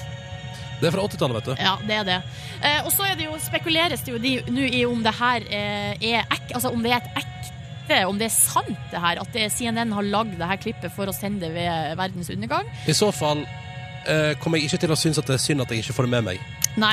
Nå, eh, CNN vil ikke bekrefte, fordi at de eh, har blitt spurt, og de har ikke lyst til å svare på om det er sant eller ikke. Men han som grunnla eh, CNN, Ted Turner, han sa på eh, CNNs aller første sending Vi gir oss ikke før verden går under. Vi kommer til å være på, og vi skal dekke det live, og det blir vår siste sending. Og han sa også at 'Nærmere deg, min Gud', altså denne sangen, skulle bli eh, det aller siste de skulle sende. Så det kan jo tyde på at eh, det kanskje kan- er ekte. Det tyder jo på at det er sant. Ja. Men så er jo spørsmålet ved, Hvis nå det skulle skje noe som gjør at verden går under En, eh, en eh, meteo... Hva heter det? Meteoritt. Meteoritt, Kom et eller annet. Inn i, ja. Kommer vi da til å sitte inne og se på CNN? ja, det er jo spennende å følge med hvis det begynner en annen plass i verden. Men jeg tror i det liksom Uh, På et tidspunkt må jo CNN da gi seg og si sånn Ja. Da ryker vi alle sammen. Før det har vel jeg mista TV-signalet mitt, antageligvis. Ja. Og så tror jeg at hvis verden går under snart, så vil jeg nå eh, i alle fall begynne å tenke sånn hmm, Jeg får spise, opp, spise meg ut av fryseren, da, på et vis. Altså, Ja, riktig. Altså, da det, det kanskje det med andre ting i leiligheten min. Rydda litt. Eh, kanskje eh, bladd opp Ville du rydda litt? Jeg gjorde sånn pent og pyntelig til verden skal gå under. Det er jo en markering, det er jo en spennende sensasjon. Og så ville jeg kanskje funnet fram en bok som jeg eh, alltid har hatt lyst til å lese, og begynt på den. Jeg fikk jo sangen om Den røde rubin, for eksempel, til jul. Tenkte så kanskje jeg skulle lest i den. Hæ? Ronny, for en raring du er! Altså, ok, Sånn som jeg kjenner deg, så tenker jeg at det du ville gjort, er å eh, jekke deg ei pils, få på noen quesadillas, kanskje en burger, eller gjerne alt. Altså, bare ta en buffé av det beste du vet. Burgerbuffé! Ja, med løkringer og chipotle-majones og alt du elsker her i livet. Hvorfor må vi prate på sånn mat i dag? Jeg er kjempesulten. Og du skal i hvert fall ikke rydde eh, Nei. hvis jorda i verden Men å, åh, jeg, hadde, jeg hadde gått rett inn på den der bedritne HBO-appen, eh, og så hadde jeg lidd meg gjennom den. Og sett de to siste episodene i sesong fire av Game of Thrones. For jeg har ikke sett da Ja, ok, ja, ja, men Meg burger og øl til, ja. ja, ja, ja. Game of Thrones liker du jo. ja. Men um, ok, og så en annen ting jeg lurte på, er jo her hos oss, altså i uh, P3-morgen, eller i P3, hva, så burde vi ha hatt et sånn klipp liggende som vi skulle spilt oh. av, liksom, hvis det nå var på vei til å gå mot slutten. ja. Hva, har du tenkt på noe der? Nei, men liksom, hva skulle det vært, liksom? Hva skulle det Er det deilig av jorden? For det avslutter man jo alltid julekonsertene med. Ja, Ingenting er som å høre 'Deilig er jorden, prektig er Guds himmel' idet det liksom meteorittregnet raser rundt Ja, deg. nei, jeg vet ikke. Eller bare en veldig bra Hva, hva, er den beste, hva er den beste poplåta i verden? Det er veldig mange forslag som kommer til min hjerne nå. Ja. Jeg går rett i indieland. Går rett i mine personlige favoritter. Ja, riktig. Det må kanskje være noe som alle kjenner til. Må, og det må være noe alle kjenner til. Ja. Mm. Blir det Take On Me, da? Med a-ha? Kan vi ikke avslutte med den? Åh, nei, hvor grusomt. Ikke at, jeg syns ikke Take On Me er grusom, men et eller annet med jeg, jeg føler også at det er litt sånn Ja, da går verden under, og her kommer Take On Me. Ja, nei, jeg vet ikke. Jeg syns det er vanskelig. Jeg for min del tenkt nå uansett hvorom alt ting er. Eh, hvis verden er i ferd med å gå under, så kommer ikke jeg til å sitte og se på CNN. Da tror jeg heller jeg ser på nyhetskanalen på TV2 eller noe sånt. Og du velger TV2 Nyhetskanalen? Jeg tror det, for de er jo litt nærmere Jeg velger 5080-nyhetskanalen. til verdens closer to home. ja ja, nei, jeg vet ikke. Klokka er tolv minutter over halv ni. Markus er kommet inn der med egg og bacon. Og det var deilig å Men- spise morgenkritt. Og cottage cheese må du heller ikke glemme. Men For en eh, fristerinne du er. Du kunne ikke tatt med noe egg og bacon til oss òg? Um, Du er så, ego, du er så egosentrert, Markus. Oi, så egosentrert. ja. uh, jo, jeg beklager. Jeg skal ta den kritikken til meg, så skal jeg investere i egg og bacon til hele gjengen neste gang. Du, hvilken låt ville du hørt på, Markus, som det aller siste før jorda går under? Eventuelt, eventuelt, hva ville du gjort? Ville du satt inn og sett på CNN? Uh, først ved julelåt. Uh, jeg ville valgt låta til Oral B og meg, som vi lagde før, som dommedagslåt. Uh, det It's ville- Christmas time. It's Christmas time. Ja. Um, det hadde jeg likt. Hvis du trenger litt julestemning i 2015, ligg den på din favorittstrømmetjeneste for musikk? Låt Det- til Markus og Oral B, altså. Ja, få den opp, få den opp. Det jeg hadde gjort, jeg hadde kanskje bedt folk eh, komme eh, Jeg hadde prøvd å samle så mange som mulig på en konsert som jeg hadde holdt, uh, oh, med nei! masse gitarsoloer. Fortsatt egosentrert. Ja, Oral B, altså, så håper jeg at Jeg vet ikke om 20 000 Det hadde jo på en måte vært det ideelle, da. Kanskje mer. 40 000 hadde giddet å brukt tiden sin til å se på meg spille gitarsolo og rappe med Oral B på, eh, på sine siste, sine siste timer. Ja. Men det hadde i hvert fall vært eh, ønsket mitt, da. Jeg hadde, eh, for å si det sånn, Markus, Hvis verden var i ferd med å gå under, så hadde jeg heller tatt med meg noen burgers og et par pilsners i, for eksempel, til en plass, og så hatt et slags Kall det et vorspiel til verdens undergang. Og, så kunne, kunne du spilt gitarsolo i ei stue eller noe. Ja, det- Men jeg ville ikke gått på arenakonsert med deg, Markus, som det siste livet. Nei, det blir så slitsomt. Du må stå i kø på Ah. T-banen. og Hvis jeg lover å fikse dere smoothe vorsplasser Ja, backstage da vil jeg ha sånn VIP-lounge. Ja, altså sånn med gratis alkohol. Kan ikke Ja. dere også opptre, da? Jo, Men jo. Silje og Markus, Ja. spørsmål til dere to. Dette her er gøy, fordi uh, det er ikke gøy. Men alltid når det er sånn at naturkatastrofer eller et eller annet stort som foregår, så begynner folk å plyndre butikker. Hvor nærme er vi verdens undergang før dere to ville gjort det samme? Ja, men hva skal du med de Ja, det tingene du tar? skulle jeg også til å begynne å lure på. Det, La må oss si være at- mat, det er matbutikker. Ja, eh, altså jeg La oss si ville- at du går inn på ditt lokale supermarked og tar med deg en sekser med øl, da, som du aldri betaler for.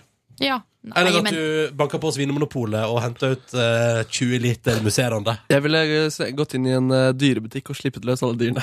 bare fordi det er gøy. Det er bare fordi nå er de fri. Løp ut. Ja. Åh, jeg ser for meg at du, du står utafor uh, dyrebutikken Markus, og heller et akvarium ut på gata og sier sånn Dere er fri! Dere er fri! Kom igjen, fisken! fisken.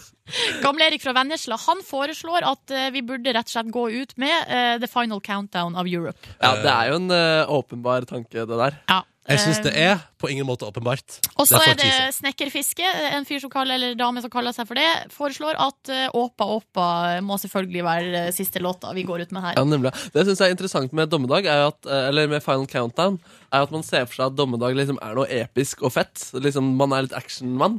Men det er jo bare kjempetrist. Ja, ja, ja. Og i triste dager vil ikke jeg høre på The Final Countdown, i hvert fall. Hva med eh, eh, Band of Horses med Funeral, som en foreslår her? Ja, det er kanskje Mer nærmere. passende. Mer passende. Jeg har funnet den. Jeg har funnet den. Du har funnet låta? Jeg har funnet låta. Jeg har funnet låta som jeg godt kan eh, leve med at blir det siste jeg hører i hele livet mitt. Kan jeg bare si at Det første jeg hørte i 2015, var Admiral P med Fy faen.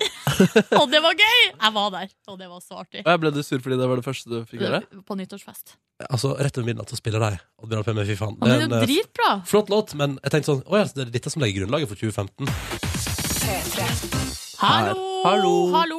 Og nå har jeg lyst til å eh, dra oppmerksomheten eh, til eh, Hudson i delstaten Florida i USA. Ja, så hvorfor Fordi- skal vi dit? Eh, Sky News eh, har en sak som handler om eh, et, en mann som er altså 50 år gammel. Han heter Balmer, eh, og han er det vi kaller for et fashion victim.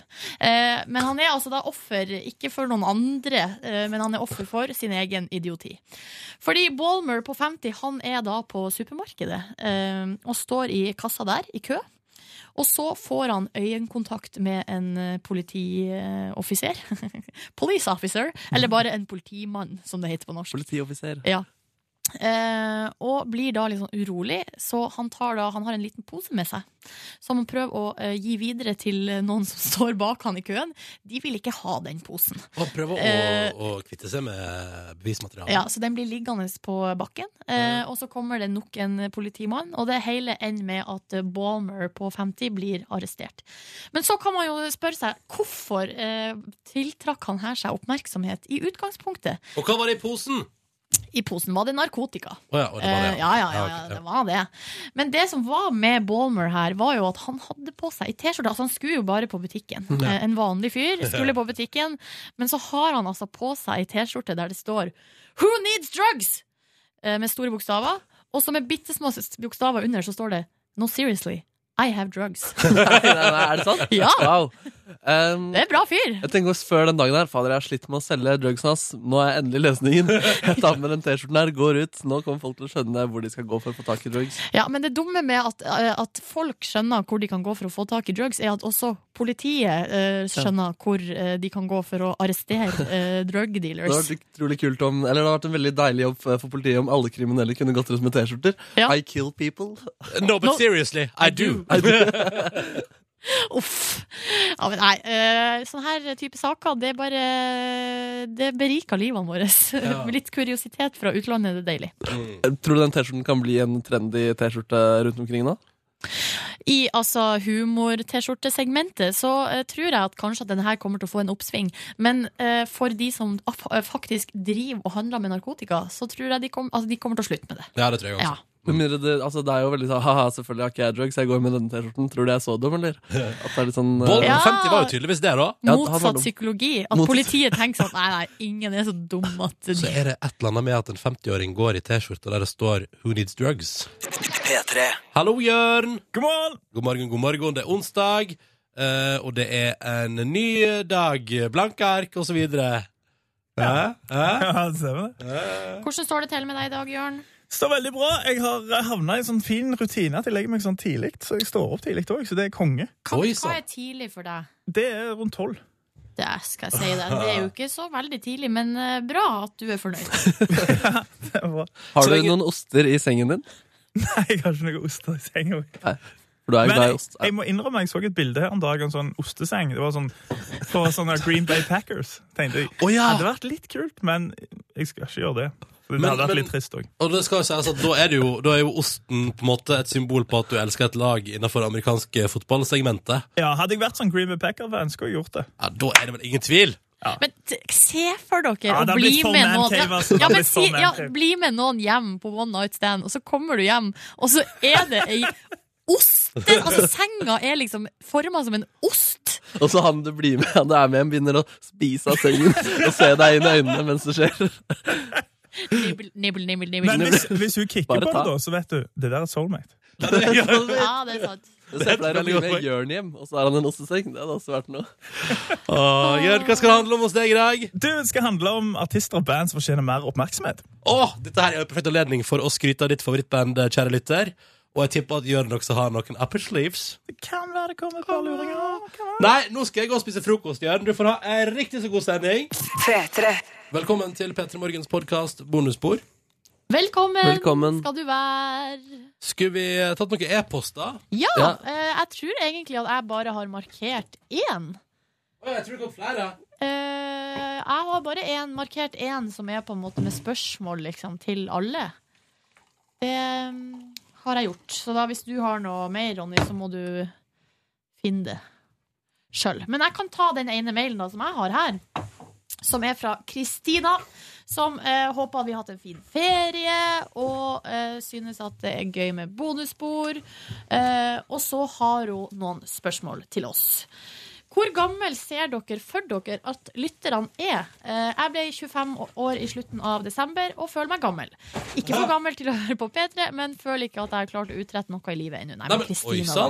Fortsatt singel og studer. Um, Silje, du har nevnt at du liker å bli eldre. Er det noe spesielt man bør tenke på for å ikke bli stressa og deprimert av at tallet øker? Nå er det egentlig to spørsmål her. Da. Det første er jo hvor gammel ser vi for oss at lytterne er? Eh, veldig varierende er jo svaret. Vi vet jo hvor gamle lytterne våre er. Ja, vi vet jo, det her er statistikk som vi får oppdatering på eh, med jevne mellomrom. Det er gjerne når vi er på seminar med Vilde Batzer, så har hun alltid en liten bolk i, helt i begynnelsen av seminaret som er eh, nyttig og helt nødvendig, men også ganske kjedelig. Og da er det powerpoint. Og jeg syns det er kjedelig. Jeg synes det er dritspennende. Jeg synes det er litt kjedelig. ja. Ok, ja. Jeg tror ikke jeg rakk det i år. Men, Nei, du var eh, ikke der. Nei, hvorfor var ikke du der på seminaret vårt i høst, Markus? Du, men jeg, eh, han var, hadde gjort et eller annet. Du hadde vært Nei, nei, nei, nei, nei. Han hadde ikke gjort noe. Jeg satt på med Rune Munkeby. Som ja, kjørt dere bort. Han har- kjørte bort til Hønefoss. Han. Vi skulle til Kongsberg. Fader, da var Vilde Batzer ganske så stressa og du- streng, du. Hun var ikke sur, eller? Jo. Hvem var det? Å ja. Ja, Nei, ja, ja. Jo. Om hun var Ja, jo! Det oppfatta ikke jeg at hun var sur. Det var jo et, hen, et uhell, liksom. Det, Jo, jo. Jeg tar Men- fullstendig Men hun rista på hodet der, for å si det sånn. Ja.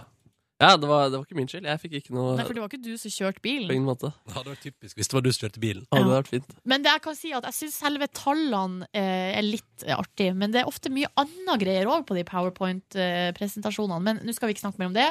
Lytterne våre, hva er det Kan vi si hva snittalderen er? Øh, Ja, men vi har vel Vi har vel ikke noe eh, snittalder på vårt program. Nei, det er Men, jo eh, det er kanalen generelt. God slump med unge folk, og så har vi Petter Morgen også en god del eldre folk som hører på. Så det er Ja. en god blanding. Som trekker opp snittet. Og så er det noen uh, småfolk òg, som er hyggelige. Altså, Hva er målgruppen? Er ikke det 18 til 35?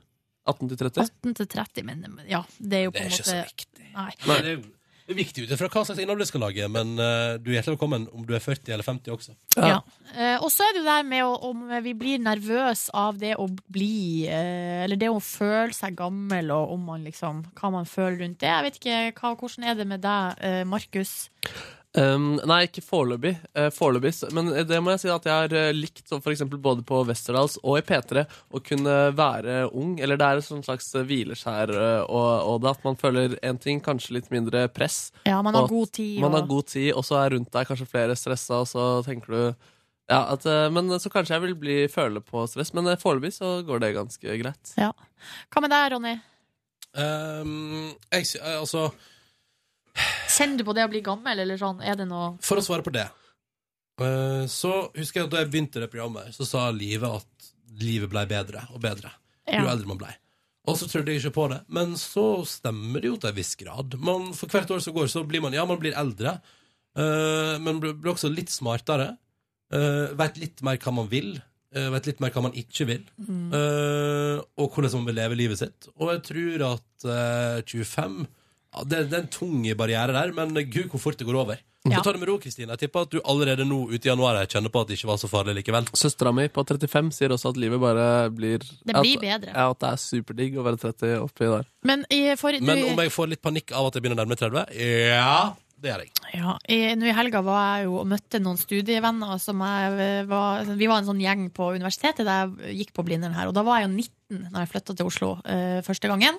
Og da, eh, på vei opp dit for å møte dem, så eh, had, fikk jeg en litt sånn her, eh, Fikk lyst til å liksom mimre litt. Så jeg las, eller gikk inn på Spotify og la til det albumet til Maria Mena som kom i 2005.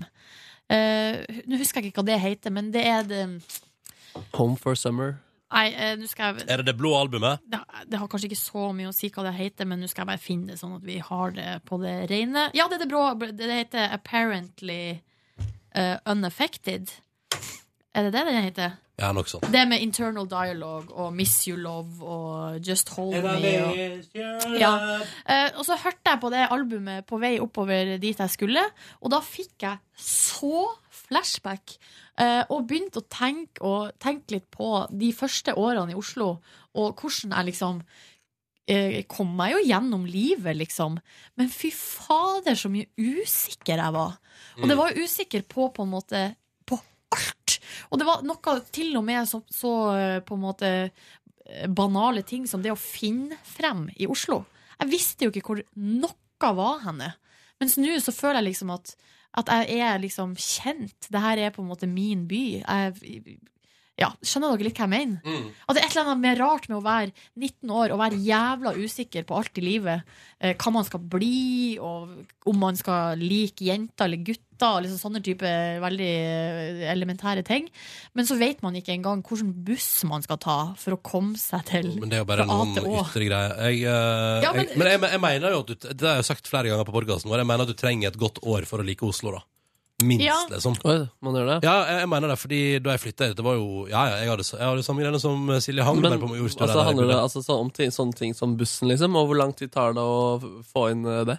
Altså, jeg føler meg i hvert fall mye, men det handler kanskje litt om hvordan jeg er. At jeg liker å ha kontroll. Mm. Sånn at hvis jeg ikke vet eh, på en måte Hvis jeg ikke vet sånne type ting, så blir jeg stressa, da. Du vet hvor jeg burde føre, Silje? Det vet du òg, Markus? Ja. Da jeg liksom skulle på Altså typ sånn, Så lite orientert var jeg at da jeg skulle ut og på visning der og sjekke ut den leiligheten før jeg skulle eventuelt leie den, så tok jeg taxi fra NRK. Det er jo ti minutter å gå, liksom. Så, Det er så gøy. Ja. Og, og ikke minst Og da jeg skulle gå derfra igjen, ante ikke hvor jeg var. Nei. Eh, og lurte på, og da visste jeg ikke engang altså, Det er jo liksom Det er midt mellom uh, Majorstua og Frognerplass. Det er rett ved Vigelandsparken. Uh, og da visste jeg ikke hvilken vei jeg skulle gå, så da gikk jeg til tenkte sånn, jeg skal til Majorstua, gikk til Frogner plass. Ja, ikke sant? Altså, det var, men, det sånn der, men så merker man at man bruker så mye tid da, på bare så elementære ting. Og det kommer oppå, så jeg skjønner litt hva du mener, Silje, Ja, samtidig det, som jeg mener at det der Ja, men Det er er bare ytre ting. Men jeg føler at det er, og det er liksom en, en liten på en måte, en liten detalj eller, ja, men at som ikke har egentlig så mye å si. Men det blir et slags bilde på eh, livet, da. Men jeg kan eh, relatere meg til den måten for eksempel hvis du skal på et eh, jobbintervju på et sted du ikke vet hvor er, eller du skal møte noen et sted du ikke vet hvor er, så, så blir jeg i hvert fall veldig nervøs for å, om man har valgt riktig buss, selv om jeg på en måte kjenner til bussnettet, og det kan på en måte prege hele bussturen. Du som og, kjørte jo, du kjørte jo feil vei når du skulle til Silje, du. Ja, da du er født og full. oppvokst der. Men da Ja. var du full òg, ja. Men se for deg livet til eh, Markus da, Ronny. Som på en måte, han òg klarer jo livet. Han har mekka smooth jobb og alt mulig. Men han driver også på hjemme der og lurer på om eh, eh, hvorfor ikke lyset på badet funka, og så viste det seg etter eh, ett år at det er en varmeovn. Altså det er på en måte Jo eldre man blir, så bare Man lærer jo ting hele tida. Og jo mer man vet, jo tryggere er man jo i liksom verden. Ja. Tenker jeg da. Det er Det er i hvert fall min opplevelse. Det er diggere å bli eldre så lenge du ikke flytter til en ny by hvert eh, år. Ja, det må man droppe. Da. Jo, må man kan godt flytte litt på seg. Jeg tror det er sunt. Jeg. Ta ha med penger, da, og så ta taxi uansett hvor du skal. Ja, det er sant. Er vi ferdig med det temaet? Ja. I fjor ble hele julefrokosten lagt ut på nett. Hvorfor ble den ikke det nå sist? Kristina Kristina fikk ikke sett julefrokosten. Vet du, Det vet jeg ikke. Uh, det var noe teknisk trøbbel med litt av sendinga. Ja. Uh, og så var det siste Og så er jo eh, dette er jo julefrokostens um, dogme, kan man si. Det er siste dag på jobb for, før jul for veldig mange. Så da ble det vel bare ikke, da? Nei. Så skal vi si jo hvem, at det er jo ingen, altså, hvor masse tid skal vi bruke på å legge ut tre timers sending når seertallet på det sikkert er maks 200? Ja, nei, det er et godt poeng. Ja. Høydepunktene ligger jo på nett, hvert fall, så det får man sett. Og så kan- altså? Kan man høre det på radio. Eh, så skriver Kristina jeg skrudde på TV-en for en god stund siden og så på Rundlurt, eh, som dukka opp. Eh, hvordan går man fram i en sånn prosess? Og det som skjedde der, var jo at jeg ble lurt av Ronny og min sjef, Vilde Batzer.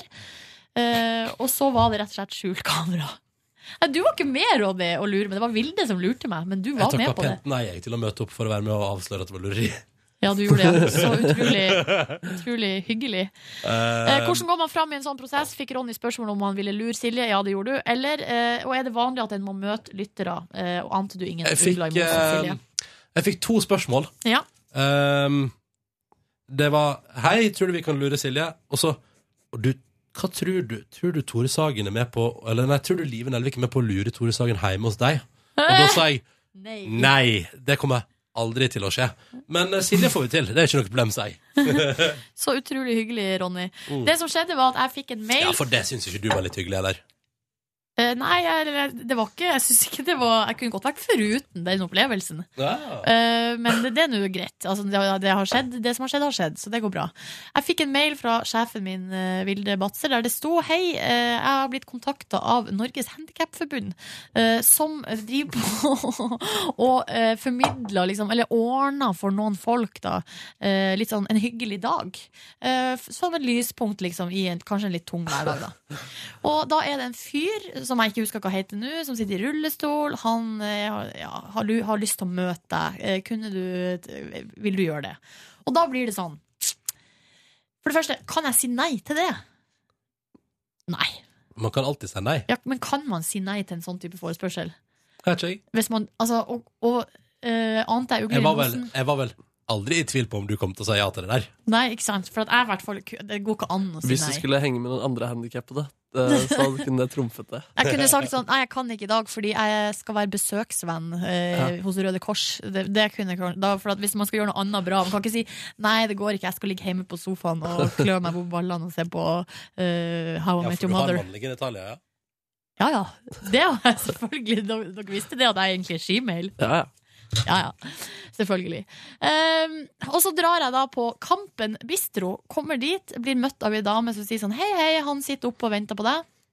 Uh, hun blir ikke med. Eller sånn Altså, Når jeg ser tilbake på det, så burde jeg burde ant ugler i mosen. For jeg kommer jo da opp på den der eh, bistroen, som jeg eh, også i retrospekt visste ikke var åpen.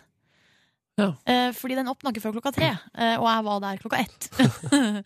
Eh, og så Men du tenkte liksom at han handikappet bare hadde pekt 'jeg vil ha åpen Nei, nei, nei greia var at jeg tenkte ikke over det, liksom. For jeg tenkte sånn, ja ja, når han er der, så er den vel åpen, da. Eller sånn. Ja. Ja. Man stiller jo ikke spørsmålstegn ved alt som skjer i livet.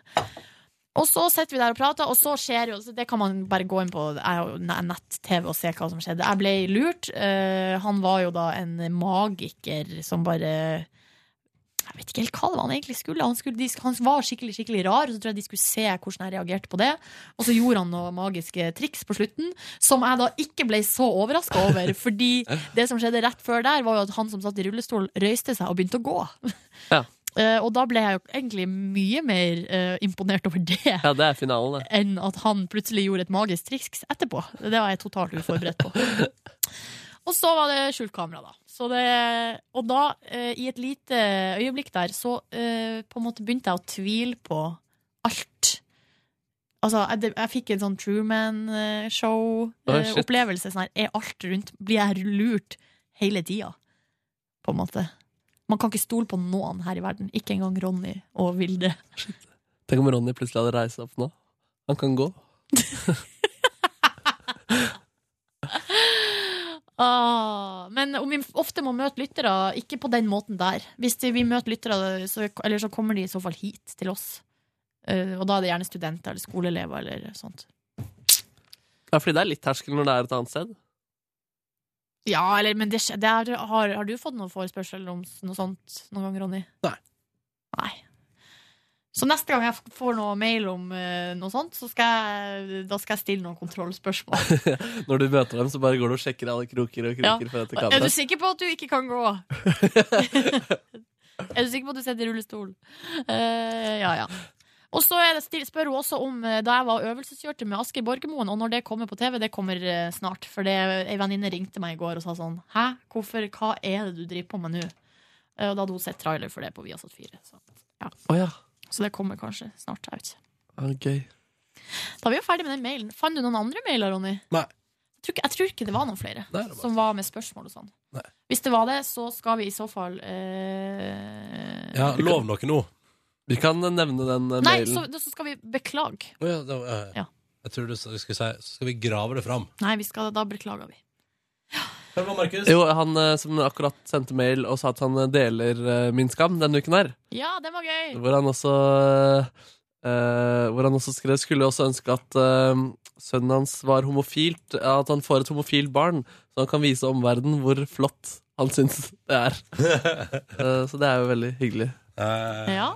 Men eh, da jeg drev og tweetet i min tid Så er min mest suksessfulle tid At eh, jeg vil få barn eh, jeg, Hvis jeg får barn Når jeg får barn Så jeg går rundt med det hele tiden For å vise folk at jeg har hatt sex Det er litt i samme landskap eh, som han der og apropos sosiale medier, eh, Linn Skåber eh, kommenterte jo på Instagram til P3 i går. Ja, og så svarte du? Og så svarte jeg at du er genial uten å være creepy. Og nå har hun meldt seg på igjen og skriver Vet, var sånn jeg løftet fram Jon Almås også. og nå følger hun Markemann. På følger- Instagram? Ja, hun følger kanskje dere allerede. Nei, det tror jeg ikke sjekka. Mm, Å, hun er Markus, fast det, det skjer ting i eh, livet ditt nå, Markus. Ja, fy søren. Ja, fy søren. Den, den dagen Bård Tufte Johansen begynte å følge meg på eh, Oi. Instagram, da følte jeg at jeg hadde pikka i livet. Ja, det kan jeg skjønne i høy grad. Men jeg vet ikke hva han, om han har noe interesse for å se på mine selfies. Men, Ja, men eh, Hører han på P3 Vet man det? nei, jeg har ikke peiling. Jo, jeg fikk jo melding av han en gang. Gjorde du Ja. Om at han hørte på? Ja, det var et stikk han likte så godt.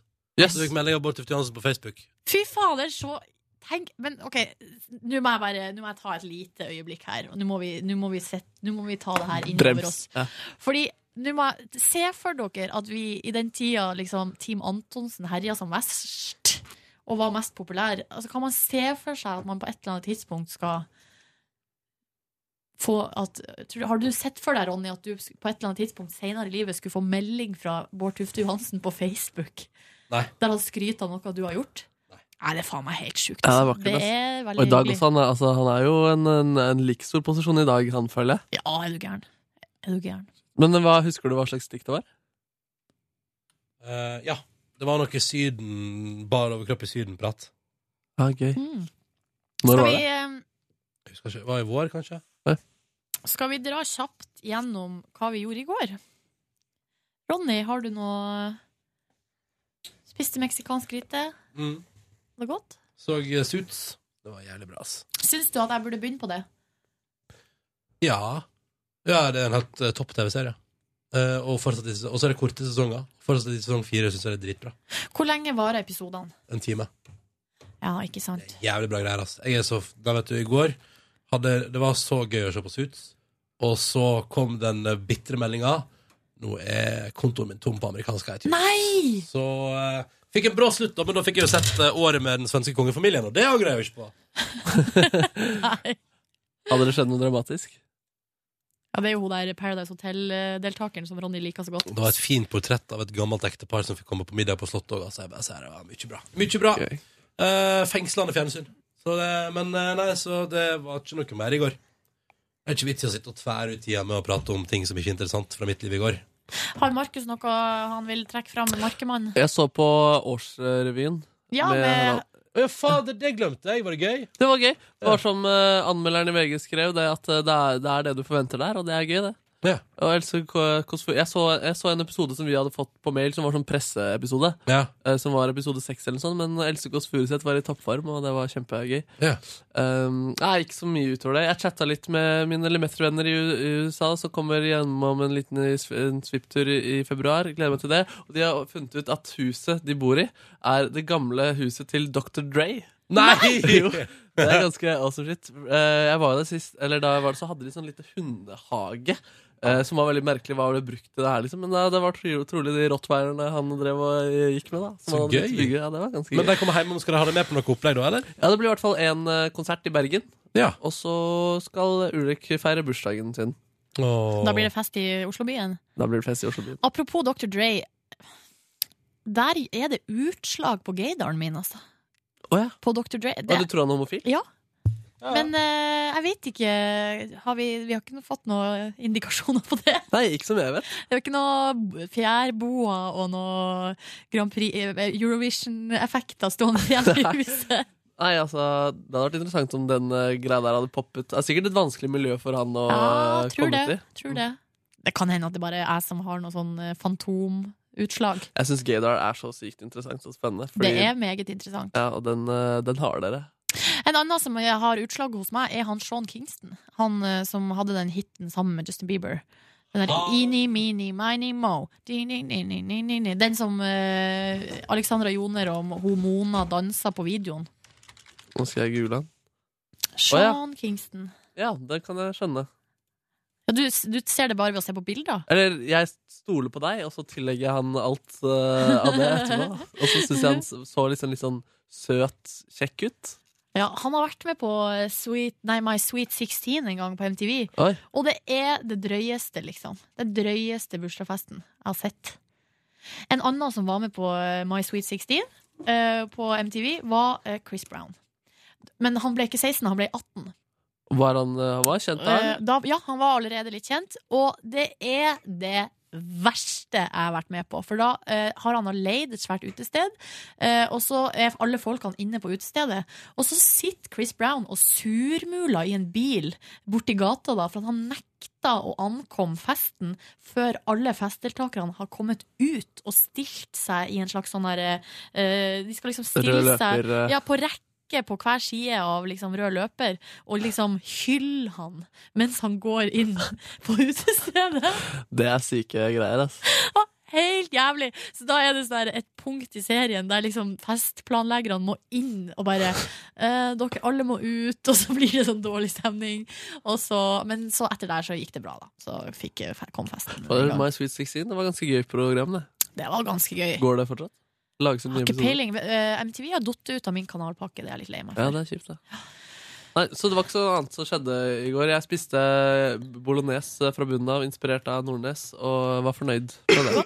Jeg hadde jo en eh, plan i går, og det var yoga og laks, og det ble avlyst. Fordi jeg var rett og slett for sliten. Jeg var hos min gamle venn og drakk kaffe med henne og skravla, og det var hyggelig. eh, Men også, det er jo litt sånn tungt, fordi eh, Ja. Det er litt tungt å snakke med noen som er mye alene, liksom, og som kanskje har det litt tøft. Så da eh, Ja. Så det var jo litt eh, ja, deprimerende. Har du fått eh, veiledning til å prate med sånne folk? Ja, man går på kurs og sånn. Man går på kurs og sånn. ja. Mm. Men uh, det var veldig hyggelig òg. Vi, hadde noen- vi hadde noen kjempefine prater, fikk mimra litt og sånn om eh, gamle dager. Og så uh, dro jeg hjem og spiste bolognese-rester. Og eh, så på Sherlock, siste episoden i sesong tre. Og jeg måtte rett inn og google sesong fire. Og de er altså nå i gang med innspilling av en julespesial som kommer til jul 2015. Og så blir det en ny sesong fire, som da kommer på våren 2016.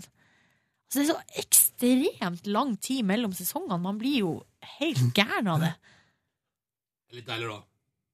Ja, man får jo opp, bygd opp skikkelig liksom, At man blir skikkelig hungrig, da. Og så er jo hver episode varer jo en og en halv time, og det er tre episoder i hver sesong, så det blir jo som tre små filmer, da, på en måte. Så ja, jeg skjønner jo at eh, de ikke kan holde på med det der hele tida. Mm. Men jeg vet ikke. Mm. Og så gikk jeg og la meg ganske tidlig, da, men uh, fikk ikke slått av lyset før 11. Men uh, jeg driver og jobber meg mot et, et, ei ordentlig, et ordentlig døgnrytme. Ja, så når, du sovna elleve, eller la du deg elleve? Nei, jeg, liksom, jeg slo av lyset 11. Så da, jeg tror jeg sovna ganske rett etterpå. Ja. Så en eh, Jeg sovna ti, ti i går, jeg. Du er så flink, Ja, Markus. men jeg eh, holder meg, jeg holder meg under powernaps, og da sovner jeg lett. Jeg hadde satt på en episode av Lørdagsrådet og husker ikke noen ting av den. Og så lukka jeg PC-en, og så sovna jeg. Og så, så, ja. Du skal på Lørdagsrådet på lørdag, du. Ja, shit. Er det premiere? Eh, Med Ken som vikar i denne måneden. Mm. Mm. Men du har ikke vært på Lørdagsrådet? Jeg har ikke vært på ja, premiere for meg, ja. ja. Det blir gøy, da. Ja, det blir spennende. Fin gjeng med òg, da. Ja, kjempegøy. Jeg kommer sikkert til å bli litt nervøs, men eh, det blir eh, gøy. For det er Torbjørn Røe Isaksen, Else Kåss og Markemann. Det er minister, liksom. Det er minister, ja. Det er ganske gøy. Hadde du sett for deg det da du var en liten uh, fyr som bare var opptatt av Oral B, Mr. Lee og uh, Ronny Le Tekrø? Jeg hadde ikke sett for meg det i romjula, den romjula her engang. Nei. Nei, men det blir gøy. Det blir, eh, jeg må få på noe høyre-jokes inni der. Å, herregud. Jeg tror, eh, Og det er tror- live òg, det der skal jeg så høre på. Men det jeg tror uh, Løs kanondekk! Et godt tips til deg, Markus. Ja. Eh, husk at uh, du ikke bare kan drive med jokes. Planlagte jokes. I Nei, nei, nei, nei. Men jeg, jeg tenker sånn om jeg kan finne et kallenavn på han, eller Nei, vi får se, da. Jeg har lyst til å kalle han for uh, rasist, eller noe sånt. Nei! Ja, dette gleder jeg meg til. Jeg gleder meg. Fordi, altså, det er jo Jeg spiller på det Skal stå opp tidlig på lørdag, da, kan Ja. du se! Ja, vi får se, da. Nei, det, det, det, Ikke gjør det. Jokes. Nei. Ikke planlegg jokes. Bare vær deg sjøl, du. Jeg skal være meg sjøl. Skal vi gi oss der, eller? Ja. Takk for at du hørte på Petter Morgens podkast. Ha en fin dag. Love you, gays. Ha det. Hør flere podkaster på nrk.no podkast.